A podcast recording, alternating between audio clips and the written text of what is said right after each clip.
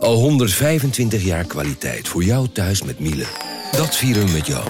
Ontvang nu tijdelijk een cashback tot 125 euro op veel Miele-apparatuur. Geniet van de kwaliteit van Miele. Voor perfect verzorgd wasgoed en kleding die veel langer mooi blijft. Voor een stralend schone vaat, even perfect als jouw diners. En een stofvrij thuis waarin echt hygiënisch schoon de standaard is. Check miele.nl voor alle feestelijke aanbiedingen. Hey podcastluisteraar. Ook op zoek naar een relevante invulling van je schaarse luisteruren? Tune dan in op de podcastserie ESG, even samengevat van BNP Paribas. Wij, Marloes en Aldert, spreken daar duurzame voorlopers en wereldverbeteraars. Waarover dan? Nou, bijvoorbeeld of we ooit duurzaam kunnen gaan vliegen. En waarom koeien in de stad nou een goed idee is? Dat en meer elke twee weken in een nieuwe aflevering. Dus abonneer je. ESG, even samengevat.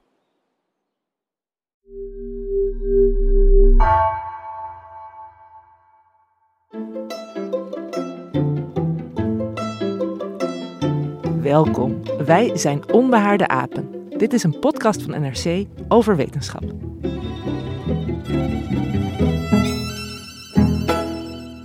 Stel, je luistert naar een podcast en bent tegelijkertijd aan het wandelen door een natuurgebied. Vaak, als je dan daarna terugdenkt aan zo'n aflevering, zie je precies voor je waar je was toen je die informatie hoorde. Of andersom, je loopt weer op dezelfde plek en opeens weet je weer precies waar de podcast over ging. Waarom is dat zo? En herinner je je dingen eigenlijk anders als je ze hoort in plaats van leest? Kortom, wat doet luisteren met je? Mijn naam is Gemma Venhuizen en ik zit hier vandaag in de studio met wetenschapsredacteuren Hendrik Spiering en Nikki Korteweg. Welkom. Hallo. Hallo. We gaan vandaag praten over luisteren, dus een hele podcast over audio. Want we hebben inmiddels zijn we al bijna vijf jaar bezig met onbehaarde apen. En daarom hebben we ook de vraag: wat doet luisteren eigenlijk met je? En, is het nou een hele eh, logische vorm van informatieoverdracht vergeleken met geschreven woord of helemaal niet? Ja, dat hele idee van informatieoverdracht, we zijn zo gewend om schriftelijk te denken. Als ik nu praat, als, ik denk dat heel veel mensen al een soort uh, ondertiteling mee zien lopen met de woorden die ik zeg en uh, hoe het allemaal, alles is dan opgeschreven voor je gevoel. Terwijl in werkelijkheid, er zit helemaal geen spatie tussen de woorden die ik spreek ik praat nu even alleen, maar ik let voortdurend op hoe jullie naar me kijken. En uh, of je, ja, je zit, te knikken. Ja, zit nu te knikken. Maken oogcontact. Ja. En ik ben dus ook de afgelopen paar dagen kon ik bijna geen gesprek meer voeren, omdat als je een gesprek voert, dan ga je er meestal helemaal in en dan let je helemaal niet bewust op hoe anderen op je reageren. En als je dat wel doet, dan raak je meestal enorm afgeleid, want dat ja, daar heb je eigenlijk geen bandbreedte meer voor, om het zo te zeggen. Klapte je dan dicht als je dat bij jezelf merkte? Nou, dat je opeens... ik, ik klap er nooit dicht natuurlijk. Daarom leek het me zo leuk om het voor te stellen. Opeens een Hendrik die met zijn mond vol tanden stond. Nee, maar... maar die interactie heb je ook nodig, toch? Dat, ja, bedoel, precies, dat door is het knikken ga jij verder praten. Als Want... ik nu alleen maar een beetje in de verte staar, dan hou je langzaam Ja, dan op. hou je vanzelf op en dan heb je echt het gevoel dat je iets blauwe hinein aan het praten bent. Maar nu, we gaan het over luisteren hebben en nu begin ik over praten. Maar er is geen luisteren zonder praten. En dat is eigenlijk een schok als je daarover denkt. Omdat wij, we leven nu in een hele schriftelijke cultuur. En dat, dat heeft ons ook groot gemaakt. Want door schrift kan je veel beter nadenken. Daar komen we misschien nog wel op. Maar ja, de mens bestaat 300.000 jaar en het schrift pas 5000 en het verplichte onderwijs uh, 100 jaar. dus dat, ja, we praten al honderdduizenden jaren. En het normale toestand van de mens is dat je luistert terwijl je interactie hebt. Dus niet een audioboek bijvoorbeeld? Nee, ja, dat is een moderne manier. Maar er is dus ook de laatste 20, 30 jaar een fascinerende omslag in, in de psychologie en de taalkunde. Dat, het heeft oudere wortels natuurlijk. Waarin eigenlijk wordt gedacht van ja, ons oude beeld is, je, je hebt een zender en je hebt een ontvanger en de persoon luistert naar wat en die neemt die informatie op en die doet er wat mee en die zegt dan soms wat terug. Maar de werkelijkheid is helemaal niet dat iemand zendt. Er ontstaat in een gesprek een soort interactiviteit. En er is bijvoorbeeld in 2004 een fantastisch stuk verschenen. Why is conversation so easy? Want als je namelijk gaat kijken, uh, alle wetenschap daarvoor ging uit van ja, hoe, hoe produceer je tekst? Helemaal vanuit een individueel persoon. Hoe praat iemand en hoe uh, ordent hij dan de informatie? En als je nou kijkt wat er in een gesprek gebeurt. Ja, jullie onderbreken me nu niet, omdat we een podcast opnemen. aan je lippen, ja. Maar normaal zou je al iets teruggezegd hebben. En er is dus een voortdurende interactiviteit die eigenlijk ontzettend ingewikkeld is. Want in een normaal gesprek spreken mensen in halve zinnen, uh, maken hun verhaal niet af, beginnen ineens ergens anders over. Vallen je in de reden. Heel vaag. En ten tweede moet je dus voortdurend nadenken. Wat ga ik dadelijk daarop terugzeggen? En dat moet je instantaan bedenken. Want ineens zwiebert een gesprek en dan wordt er eigenlijk gedacht... Dan is het momentum weg. Maar het is een, continue vorm van improviseren. Dat, toch? Je, je moet altijd anticiperen op wat de ander gaat zeggen. Ja, er is in 2013 een boek verschenen. en dat heet Conversational Repair and Human Understanding. Dat gaat dus helemaal over woordjes als... Uh, ja, sorry, maar jij zegt nu dit. Of van, uh, ik bedoel natuurlijk. Of jij zegt, huh? Dat is ja, ja, dat je dus reageert op een blik van iemand waaraan je ziet dat iemand het niet meer begrijpt. Ja, en dan... ja want dan hebben we het dus nu zowel over non-verbale als verbale communicatie. Dat is één groot pakket. En, uh, ja, en dat krijg je natuurlijk allemaal niet als je bijvoorbeeld een tekst leest. Nee, en het is dus, je past ook de woorden die je gebruikt aan, aan wat de ander gebruikt. Je neemt woorden van elkaar over. Het gaat heel ongemerkt. Maar ook het woordje he, daar heeft Mark Dingemans uit, uh, van de Universiteit Nijmegen, van de Radboud, heeft een fantastisch onderzoek naar gedaan. Daar had ook nog nooit iemand op gelet. Maar dat blijkt, dus, blijkt dus over de hele wereld, zeggen mensen. De uitspraak varieert natuurlijk een beetje. De Fransen zeggen, uh, maar het is allemaal dat hele korte, huh? En dan weet de ander, oh, hij snapt het niet. Dan moet ik even opnieuw eh, beginnen. Maar dat heeft hij waarschijnlijk al gezien, omdat dan iemand wijkt een beetje naar achter. Dus het is niet alleen maar non-verbaal. Het, het is ook verbaal. Daarom, met telefoongesprekken heb je dat natuurlijk ook. Ja, en je, je, hoort inderdaad een intonatie van iemand ook van, oh, hij is nu zijn stem aan het afbuigen, dus hij is aan het afronden of juist nog een soort vragende toon omhoog. En dat is dus het antwoord op de vraag, why is conversation so easy? Waarom is een gesprek zo makkelijk? Terwijl dat, ja, voor computers die kunnen dat helemaal niet.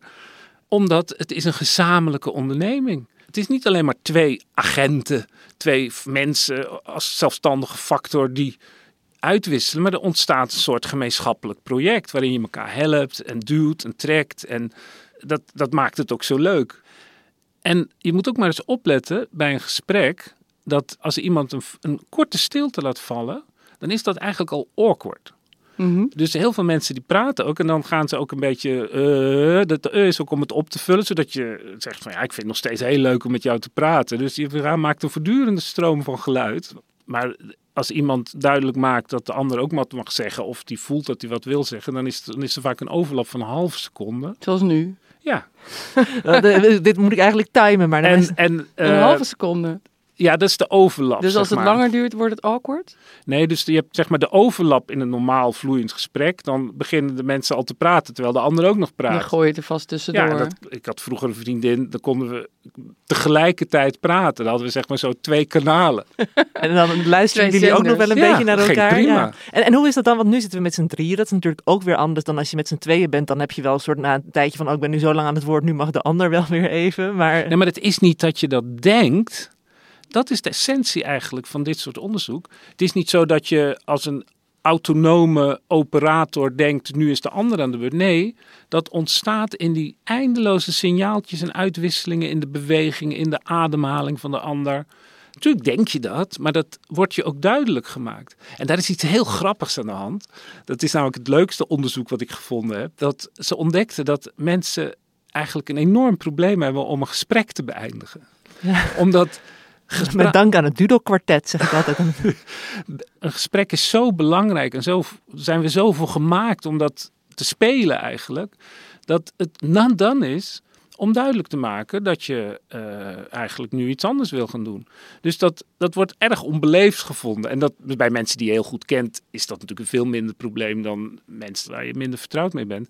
Het, het bekendste is natuurlijk in de trein. Je begint een gesprek met iemand en dan, ja... Dat gebeurt bijna niet meer, Hendrik, in de trein. Maar... Meestal zit iemand aan door de telefoon te bellen. Maar je hebt nog wel eens heel ouderwets dat er tegenover je iemand zit en dat je... Dat je een gesprekje begint. Ja, en dan moet je maar eens opletten dat het vaak best moeilijk is om dat te beëindigen. Zeker als het een zeker ritme heeft gekregen. En het blijkt dus ook dat eigenlijk bijna geen enkel gesprek eindigt op het moment dat beide personen denken, nou, nu mag het wel beëindigd worden. Dus dan ga je meestal met een krant zitten Of friemelen oh, en ik moet hier uit, terwijl je nog helemaal niet bij je goede station bent. Ja, maar dat is toch dat is een toonbeeld van hoe belangrijk het gesprek eigenlijk is. Ja. Maar het schijnt dat als ik met mijn ouders bel, met wie ik natuurlijk heel vertrouwd ben, dat ik dan heel vaak zeg, zo, als ik dan weer Ja. klaar ben met Klaar. praten. Dan, of gewoon dat ze aan mijn intonatie al horen dat mijn eh, interesse al ja, dwaalt. natuurlijk, maar dat is conversational repair. Hey, en we hebben het nu heel erg over die gespreksdynamiek en alle interactie. Maar tegelijkertijd zit er in het gesproken woord natuurlijk ook nog echt die, die functie van informatieoverdracht. En als ik denk aan de geschiedenis, dan denk ik ook aan het, verhalen vertellen. De Bart die een prachtig epos met zijn eh, toehoorders deelde. Hoe is dat dan in verhouding tot waar we het nu over hebben, die interactie? Ja, dan heb je natuurlijk een andere situatie dat er één persoon centraal staat die iets vertelt. Je kan het bij spreken vergelijken met je staat met een groepje mensen te praten en dan is er vaak één die vertelt en die, eh, die iets geks heeft meegemaakt en dan luisteren de anderen. Maar in een, in een real-time situatie, om het maar eens modern te zeggen, is er voortdurende interactie. En iemand die een verhaal in gezelschap vertelt, die heeft wel degelijk door dat mensen hun aandacht af gaan wisselen. Er wordt wat gefluisterd op de achtergrond. Hè. Net wat de gewoontes is, ook in een cultuur natuurlijk. Of mensen wenden hun blik af. Of als je voor de klas staat, dan zie je ook meestal wel gelijk wie erop let. Er zitten een paar die zitten ademloos te luisteren. En de anderen die... Ja, dan moet je iets doen. En dat vind ik zelf een hele leuk idee. Dat je dus ziet aan verhalen die oorspronkelijk verteld zijn heel vaak. Sprookjes horen daarbij, uh, mythen en sages. Daar komen vaak hele rare wendingen in voor. We hebben dat toen met die verhalen van uh, de, de, Noorse god Thor gezien. Die gaat ineens heeft die vrouwenkleren aan en wap, ineens gebeurt er iets geks. Oh, dat is allemaal om de aandacht van het publiek ja, te, te dat, vast te dat, houden. Dat zijn vaste elementen, dat soort verhalen. Dat is dan totaal anders dan uh, een leerboek. Ja, daar ga je niet iets geks in doen als het op papier staat. Typisch voor schriftelijke cultuur. Maar in orale cultuur heb je voortdurend te maken met. Ik moet de aandacht moet vast de aandacht. blijven. En er is ook een, een bekend iets van Russische volksverhalen dat ze echt gezien hebben. Dat werd dan nog begin jaren twintig op een hele ouderwetse manier werden die verhalen rondverteld in die dorpen. Als dan de aandacht verslapte van, van de dorpelingen, dan, dan gebeurde er iets seksueels. En dan zat iedereen gelijk recht over hen. Nee, nou, ik, ik nog moet steeds natuurlijk. Wat ik me nou afvraag, hè, want als je voor de klas staat, zei je net terecht, dan zie je wel wie er wanneer in dommelt. Maar wij hebben nu geen enkel idee of onze luisteraars überhaupt nog enthousiast zijn of dat ze ons al lang op mute hebben gezet. Nee, tuurlijk zijn ze er nog.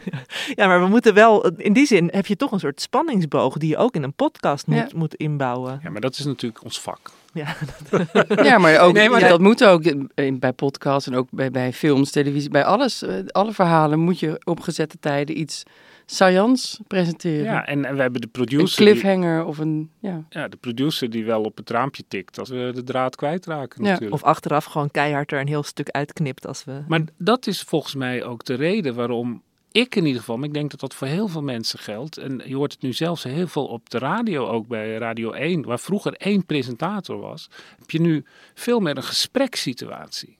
En dat is. Is dat veel- interessanter dat is- om naar te ik- luisteren? Ik denk dat dat veel interessanter is om naar te luisteren. Omdat je. Kijk, we zijn natuurlijk heel erg verschriftelijkt. Eh, We denken heel erg in geschreven woord en alles. Maar Maar we zijn Op- gemaakt om te luisteren. we zijn gemaakt om interactief te luisteren en te praten. En als je dus luistert naar een gesprek, dat is veel minder intensief. Dan doe je wel niet zelf dat je zegt, eh, huh, wat dan? Eh, bedoel je? Maar je vertrouwt erop dat iemand anders dat voor je doet. Je vertrouwt er niet alleen op, je hoort het. Je hoort die dynamiek. Je, er is een soort interactiviteit waar je dan vagelijk deel aan hebt Ja. natuurlijk. Omdat dan de vraagsteller bijvoorbeeld de vraag stelt die jij ook al. Ja, Die ook er al bij zit jou een ritme opkwam. in waar je mee gaat. Of Daarom, juist heel verrassend iets nieuws eh, vraagt. wat is prettiger om naar te luisteren? Iemand die een, een analyse weergeeft, waarin alle informatie zit, die gewoon alleen in de studio zit. Of wat je nu, wat natuurlijk ook een soort, soort schimmel is die door de televisie gaat, dat er allemaal praatprogramma's zijn. Ja, dat, ja die zijn Maar niet dat- voor niet zo populair, Nee, wil je zeggen. niet. Ja. Maar eh, Nikki, jij zei net, hè, we zijn gemaakt om te luisteren. En eh, dan vroeg me, is dat inderdaad, eh, wat gebeurt er in ons brein eh, als we luisteren? Is ons brein inderdaad ideaal uitgerust daarvoor? Beter dan voor lezen? Ja, de mens is natuurlijk gewoon ge, gewired om te luisteren. Wat Hendrik net al vertelde. Honderdduizenden jaren luisteren we al naar verhalen rond kampvuren en naar, naar barden. En uh, pas 5000 jaar lezen we ook dingen. Ja, dat zie je ook in de hersenen. En het pad van luisteren, van iets horen naar taalbegrip, tekstbegrip, Ja, poëzie, betekenis. Dat, dat is echt een van de meest complexe en intrigerende eh, cognitieve functies die we hebben. Want Ik vind ja, dat het echt fantastisch. Het gaat gewoon van keiharde fysica, geluidsgolven, naar bewustzijn, naar taalbegrip, naar, naar, Naar eh, communicatie. communicatie naar, Ja, want nou, hè, die fysica, eh, geluid komt binnen via je oor natuurlijk. Daar gaan Ja. dan de trommelvliezen worden in trilling gebracht. Heel Ja. goed gedaan. Ja, Ja, daar- daar begint het. Ja, ik zit e- even te pochen met mijn kennis van, van het oor. Ja, ik weet ook nog iets over dat er een deel is van het oor dat het slakkenhuis eet. Maar, maar, maar Ja, dus die geluidsfrequenties, die, die doen je trommelvlies, laten ze trillen. Dan gaan die trillingen over op allerlei kleine botjes, het hamer en het aanbeeld wat in het middenoor zit. En die brengen dan weer die trillingen over op het slakkenhuis. Dat zit in het binnenoor. En dat is zo'n, ja, als een slakkenhuis opgekruld, eh, ja, een soort lange buis. Ja, het gevuld met vloeistof. En daarin zitten dan tienduizenden haarcellen. Dat zijn de, de zintuigcellen, de zenuwcellen.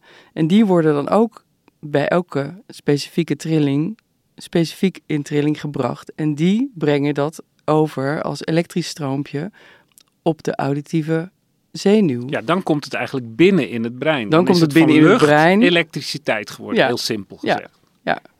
En dan, dan gaat het via je hersenstam en via de thalamus, zo'n centraal orgaan, komt het in je auditieve hersenschors. En die gaat die signalen ook echt verwerken dan tot een nuttige. Ja, die tekst. signalen die, die gaan door al die, die systemen heen, die komen steeds verder nou ja, in je bewustzijn, in je auditieve hersenschors. Dat is waar het dan in je bewustzijn komt.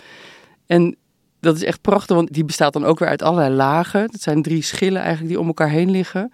En in de kern van die auditieve hersenschors, de primaire auditieve hersenschors, daar ligt eigenlijk een kaart precies zoals dat slakkenhuis. Gewoon een, een, plattegrond. Dus ieder, ieder celletje in het slakkenhuis, dat heeft een representatie in die auditieve hersenschors. Dus het is echt een soort opeenvolgende frequenties van geluid, die, liggen, die worden daar gerepresenteerd. Dat is toch fantastisch? Ik heb Ja. dat nooit geweten, maar ik vind het nu al heel beeldend voor me. Dat je denkt, oh ja, als je die ene haarcel hebt. Ja, dat, En, en dan zie je na die, ehm, nadat het daar is binnengekomen, dan heb je de secundaire hersenschors, de tertiaire eh, auditieve hersenschors. En naarmate het verder weg gaat, komt er meer abstracte informatie bij. Dus er komt begrip van lettergrepen, waar lettergrepen beginnen en eindigen. Welke klank welke letter is, eh, hoe dat woord dan gevormd wordt, wat de betekenis van dat woord is, hoe dat in de zin zit. En naarmate je verder door het brein heen gaat, komt meer van die informatie erbij. Ik vind het ontzettend grappig dat je dat noemt erbij. Ja, Omdat het natuurlijk een samenwerking Ja. is tussen contextkennis en wat er binnenkomt. Dus dat Ja. het vloeit samen het komt allemaal samen en dat zie je ook weer in het brein. Want ja, bijna het hele. Er zijn ontzettend veel hersengebieden die betrokken zijn bij luisteren en taalbegrip. En uiteindelijk waarderen wat je, wat je aan het luisteren bent. En zoveel stappen en toch gaat het allemaal zo snel dat we direct... second, ja, ja. nou ja, goed, wat was het ook alweer? Die, die halve seconde, die heb je soms dan tussen gespreksovergangen. Maar eigenlijk gaat het gewoon één op één, wordt dat verwerkt, de signalen Ja. doorgegeven. Nou, en- het duurt denk ik. Wat is de reactievermogen? Is eh kwart seconde hè? meestal. Dus een Ja, kwart ongeveer die pauze die je kan laten vallen. Ja, ja, ja, precies. Hey, je noemde net die, die verschillende schillen in de hersenschors, Niki. En, en eh, je zegt van er komt steeds meer betekenis bij in zekere zin. Maar is er dan ook een plek in onze hersenen aan te wijzen die verantwoordelijk is voor dat taalbegrip? Nou ja, je kunt niet één specifieke plek aanwijzen. Je ziet bij het luisteren en ook bij lezen dat eigenlijk alle hersengebieden meedoen. Er is ook heel veel overlap. Als je mensen in de hersenscanner een verhaal laat horen en je laat het daarna ook lezen, dan zie je eigenlijk dat bijna dezelfde hersengebieden allemaal actief zijn. Ook de motorische hersenschors bijvoorbeeld en emotionele gebieden. Dat het hele brein doet mee. Dus het is heel moeilijk aan te wijzen wat nou precies waar gebeurt. Het is heel vaak ook in interactie. Maar er zijn natuurlijk wel allerlei gebieden gevonden in de 19e eeuw waren er twee neurologen die de eerste waren die gebieden vonden die ik te maken lachen, hadden. omdat die, die namen zijn heel bekend natuurlijk bij, in de neurologie. omdat Ja, en Broca en Wernicke. Ja, ja want dat, hè, eh, Pierre-Paul Broca, die eh, ontdekte het gebied van Broca en Carl Wernicke eh, het gebied van Wernicke. En die zijn allebei betrokken bij taal. En dat he- ontdekten zij door, doordat mensen een hersenbloeding hadden in zo'n gebied. En die konden dan bijvoorbeeld niet meer praten. Of ze konden juist nog wel praten, maar begrepen niet meer wat, eh, wat er met taal gebeurde. En die twee gebieden zijn daar heel belangrijk bij.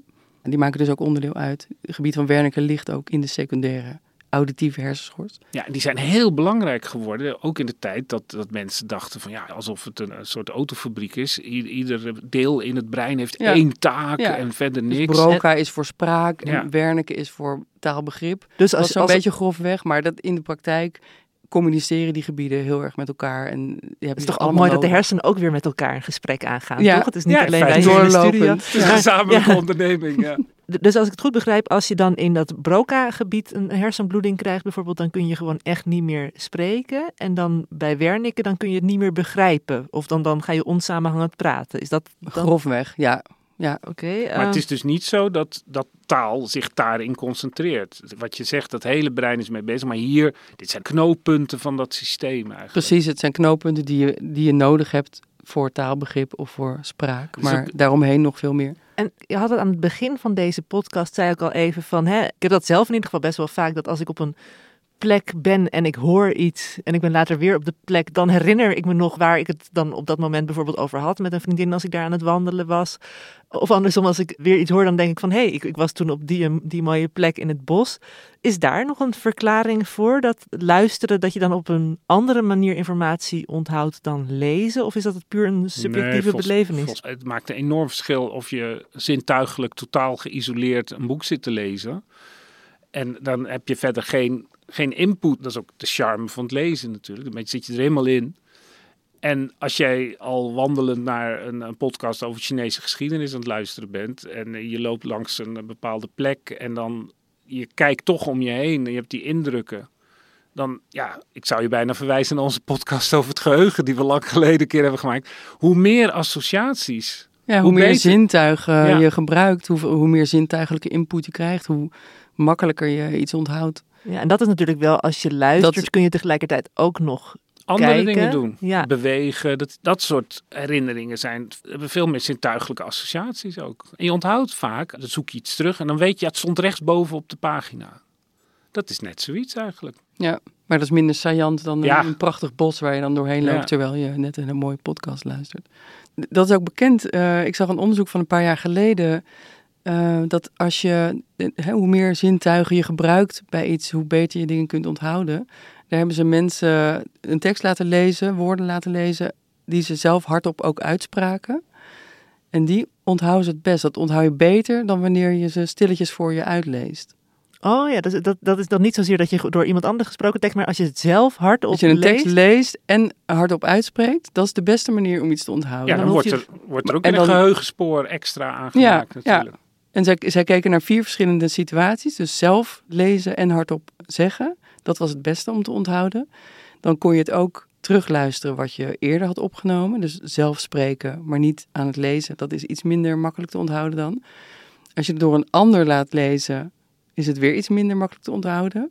En daaronder komt pas als je het Stil voor je ja. uitleest. Oh, dat is wel grappig. Dus Want het is wel veel beter om iets te horen en het te onthouden dan om het stilletjes voor je uit te lezen. Oh, dat had ik Kwam niet uit dit gegokt, onderzoek. hoor. Ja, want ik heb zelf toch het idee dat al- als ik luister, dat hangt er ook maar net af of het inderdaad iemand is die een beetje met enthousiasme vertelt. Maar tijdens sommige saaie colleges vroeger, dan moest ik echt meeschrijven. Misschien is dat ook alweer een extra Ja. eh Ja, ja, nee, dat, dat, is Dat ook is- zo, ja. dat is ook zo. Als je het meeschrijft, onthoud je het beter. Luisteren je en het dan al schrijven, verwerkt dat zijn ook twee dingen. En het zelf lezen en praten Ik zijn wil twee. nog altijd eens een keer het experiment doen. Als je je fiets in de fietsenkelder ergens in een grote fietsen, dat je dan vergeet waar die staat, dat je zelf dan een klap in je gezicht geeft. Dat vergeet je natuurlijk nooit. Terwijl je naar het nummer kijkt waar ja, je staat. Ja. Of dat iemand Dat anders je een klap in je week. Dat gezicht zou nog geeft. beter zijn, ja. dat is, eh, ik wil het best een keer voor je doen hoor. Dan- Nee, dat werkt één week, denk ik, Hendrik. En daarna is het de routine. Dus ja, dan dan, je, weer dan niet. denk je, oh ja, ik moet nog een klap geven. Ja. Dan denk je er Nee. niet eens Maar- meer bij na. Het doet me denken aan dat boek Het Geheugenpaleis van eh, Joshua Voer. Mhm. En die probeert dan eh, zichzelf een supergoed geheugen aan te leren. En dat gaat dan ook over dat hij bijvoorbeeld bepaalde woorden visueel in zijn, nou, het geheugenpaleis dat verwijst. Dus dat je zelf een soort inrichting van een huis maakt. En dat je zegt, oh ja, het uh, getal 1878 plaats ik op de fruitschaal tussen de bananen. En dat Ja. je het op die manier makkelijker onthoudt. Ja, precies. Dat is hetzelfde. Maakt gebruik van dezelfde. Ja, dat is ook een hele oude techniek die vroeger werd gebruikt. Daar komt het ook vandaan uit eh, de retorica van de Grieken en de Romeinen. Die moesten dan een hele toespraak onthouden. En het was totaal done om dat voor te lezen. Ze kwamen niet eens op het idee. En dan onthield je zo die dingen. Dus dan, dan zie je ook hoe moeilijk het is om de ordening van je geest te hebben zonder dat je iets op schrift hebt staan. Dat is dus we hebben het nou heel vaak over luisteren en praten en ook wat, hoeveel informatie hou je er nou uit over. Maar er is zo'n verschil tussen informatie die in een orale cultuur rondgaat. Want die is ook altijd het eigendom van iemand. Die iemand formuleert het. Er is niet een objectieve vorm van. Ik zeg het nu, je zegt het nadadelijk. Maar dat is dan net een andere formulering. En dat hoeft helemaal niet te betekenen dat het dan langzaam vervalst wordt of zo. Nee, dat is dan, iedereen heeft zo zijn eigen manier om dat te zeggen. En er is, dat zie je bijvoorbeeld in die, in die volksverhalen of in sprookjes en eh, mythes en saagsten. Er zijn duizend versies van en niemand weet wat de echte is. Net zo'n fluisterspelletje wat Ja. je vroeger was op kinderpartijtjes. Dat Ja. je dan elkaar een woord moest influisteren. En dat veranderde dan ook. Maar het hele idee dat we dus vinden dat er een oorspronkelijke tekst en een betekenis is, dat hebben we te danken aan het schrift, waarin het ineens objectiveerbaar. Je kunt ineens een woord voor je zien. Ja, en je kan de datum erop zetten dat dat de eerste dag was. Ja, En ik Dat wil ook je- nog wel even een land breken voor het schrift of de geschreven tekst bij het onthouden. Dat je altijd nog weer kunt teruglezen. Want als Nou- mensen nu willen zeggen, oh wat zei Hendrik of Niki weer in een minuut, weet ik veel, Ja, dan moet je weer helemaal 29, terug eh, skippen. Nou, en dat is wel, want dat, ik had het net over dat ene onderzoek waarbij je dus beter onthoudt als je dingen ook hoort dan wanneer je stil voor je uitleest. Maar er is ook wel ander onderzoek en dat laat juist zien dat als het echt iets heel ingewikkelds is, dan is het wel beter om het te lezen dan om het te horen. ja. En dat is natuurlijk logisch, want ja, als je een ingewikkelde materie leest, dan ja, je, je ogen kunnen sowieso even terugschieten naar een eerdere alinea als je het even niet meer weet. Of je kunt terugbladeren. En je- ja, je hebt gewoon meer verwerkingstijd nodig. Dus we mogen niet te veel ingewikkelde dingen vertellen in deze podcast. Nou, in, in- audio moet je natuurlijk vaak ook wel dingen herhalen. Hè? en Even dingen terug laten komen of eh, nog een keer zeggen. Of iets meer tijd nemen om het uit te leggen. In, in de tekst kun je het allemaal wat geconcentreerder zetten. Ja, ook omdat je dan ook in je eigen tempo eh, kunt lezen. Je kunt nog eens Ja. goed doorkijken. Wij zijn dus zo gewend dat schrift de manier is waarop taal functioneert. Maar er zijn dus eigenlijk het zijn twee verschillende vormen van cognitie. De ene is ja, heel persoonlijk en heel gevoelsmatig, intuïtief en interactief. En ja, zeg maar koud denken. Ja, dat is eigenlijk schriftelijk. En dat, dat heeft ons natuurlijk enorm veel gebracht. Je kunt je eigenlijk niet goed voorstellen dat je rationeel echt goed rationeel kunt redeneren zonder dat je een lijstje kan maken. Nou, in je hoofd kom je niet verder dan vijf meestal. Of met allerlei geheugentechnieken kun je dan ook onthouden dat je nog drie pakken Ja, melk Ik moet maak kopen. er een liedje wel eens van, Ja, van een boodschappenlijstje. ja, dat is ook een goede. Dus het zijn wel mogelijkheden. Ik bedoel, maar er is, er is namelijk een fantastisch boek wat ik iedereen zou willen aanraden. Het is wel een beetje geleerd boek, maar het is niet heel dik en het is vrij goed geschreven. Dat is al uit de jaren 70. Jack Goody, een Mhm. bekende antropoloog. En die heeft een fantastische titel: The Domestication of the Savage Mind. Het temmen van de wilde gedachte. En die wilde gedachte is dus die totale interactiviteit en, en concreetheid van een gesprek. En de domestication is eigenlijk eh, de schriftelijke cultuur die daarop geënt is. En die is dus, ja, je kan zeggen hoger, maar het een kan ook niet zonder het ander.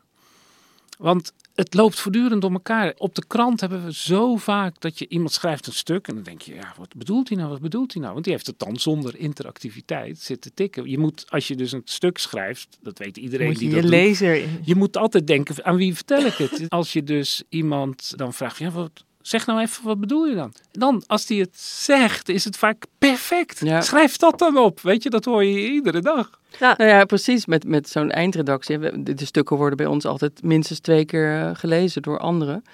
En eh, dat is natuurlijk die dialoog Ja. die, je die je dan eh Ja, erin dus zet. een soort Van formalisering. welke stukken snap Ja. je dan nog niet? En ik Ja. zit ook wel te denken aan die domesticatie. Want in de natuur heb je nu natuurlijk heel erg een trend van rewilding. En eh, terug naar, naar het wilde. En misschien is dat nu in de audiocultuur ook wel. Dat mensen opnieuw, dat la- lange tijd werd luisteren wellicht wat inferieur gezien aan lezen. En nu heb je helemaal met, met podcasts en dergelijke, wordt luisteren ook weer. Ja, nou ja, er is zeker een soort democratisering en ontdekking van die interactiviteit. Je zit me nou aan te Oh. kijken alsof ik gek Ja, ben. Nee, nee, maar dit is echt zo'n zin, die zou ik eigenlijk dan in tekst willen zien, omdat ik, ik moet hem op me laten inwerken. Ik snap niet helemaal wat je nou bedoelt. Eh, wat ik bedoel is dat je ziet dat op de, in de cultuur, op de radio, televisie, podcast, gesprekken, dat die interactiviteit van informatie, dat je dus niet één iemand hebt die reden voordraagt Mhm. van mensen, zo is het. Maar er is dus zeg maar een beetje een veel wiebeligere manier van informatieoverdracht, dat jij me onderbreekt of, of weet je, zoals een podcast gaat. Dat past in het, in de sociale verandering van veel meer democratisering. Dat er niet één elite is die zegt hoe het leven in elkaar zit. En dat iedereen denkt, ja, val maar dood, maar ze zeggen niks terug. Dat is natuurlijk... Ja, nu mag je terug Nu mag je wat val maar dood. Ja, je mag wat terugzeggen, ja. Nou, over, over val maar dood gesproken, dat is nog iets wat ik me afvraag. ehm, of je nou ook inderdaad ruzies of moeilijke gesprekken beter gesproken kunt doen dan eh, via WhatsApp. Dat, Absoluut. Dat, een truism, dat is als je dus gelijk bellen. Want dan heb je veel meer kanalen om misverstanden op te heffen. Dan Ja, ontstaat je er flapt ook natuurlijk ook soms wel eens dan hele lullige dingen uit. Ja, maar je kunt er niet over woede. nadenken, ja, zeg maar. Dus het kan Ja, ook je- wel dingen kapot maken, maar ik denk dat je altijd. Maar je bent ook eh, eerlijker. moet bellen, ja. Je, je bent veel zichtbaarder voor wie je bent. Zelfs aan de telefoon. Dan, je hoort de aarzeling als iemand zeg maar een hele venijnige mail stuurt. En je belt hem op en zegt, ja nou, eh, wat stond er ook alweer? Weet je, dan heb je een hele andere... Ja. Er is een TEDx, eh TED Talk, misschien al wel acht jaar oud of zo, van een Deens parlementslid, een moslima. Die kreeg enorme haatmail de hele tijd. Hè. Ze heet Uslem Cekic. En ze heeft er ook een boek over geschreven inmiddels, wat een hele populaire TED-talk. En ze werd daar helemaal gek van. Nu is dat nog veel erger dan toen waarschijnlijk, maar ze kreeg zoveel haatmail. En ze zei tegen een vriend, klaagde ze van, ja, wat moet ik nou? Ze zei, nou, je kan twee dingen doen. Je kan het gewoon zo laten, of je kan gewoon met die mensen gaan praten. Ja, in het ergste geval schieten ze je dan dood, maar dan ben je ook van het probleem af.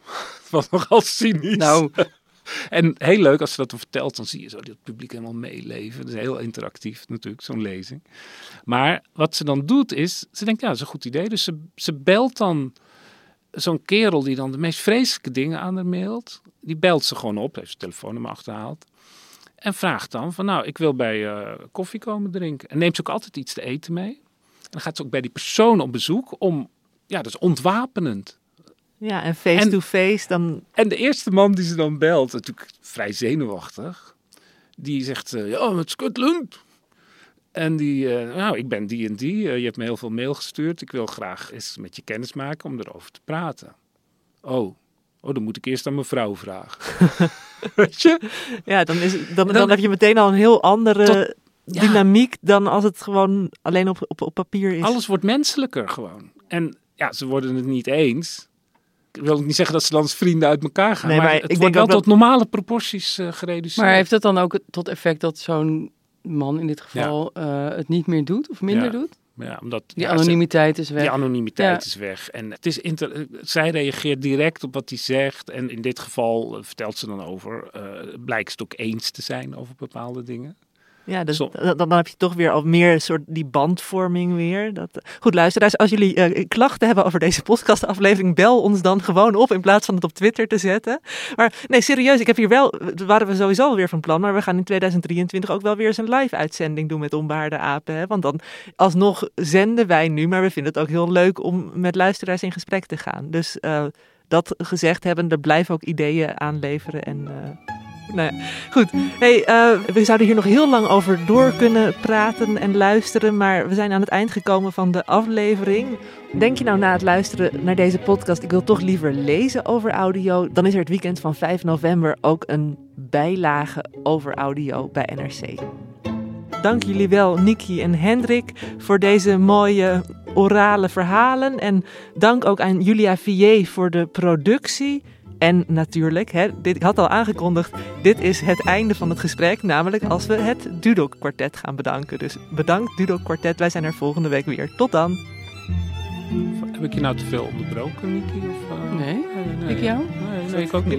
Nu kunnen jullie elkaar nog mooi in de reden vallen.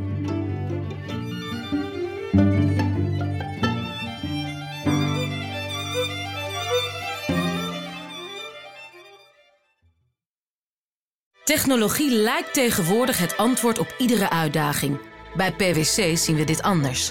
Als we de potentie van technologie willen benutten, kunnen we niet zonder een menselijk perspectief. Human-led, tech-powered noemen we dat. Ga naar pwc.nl.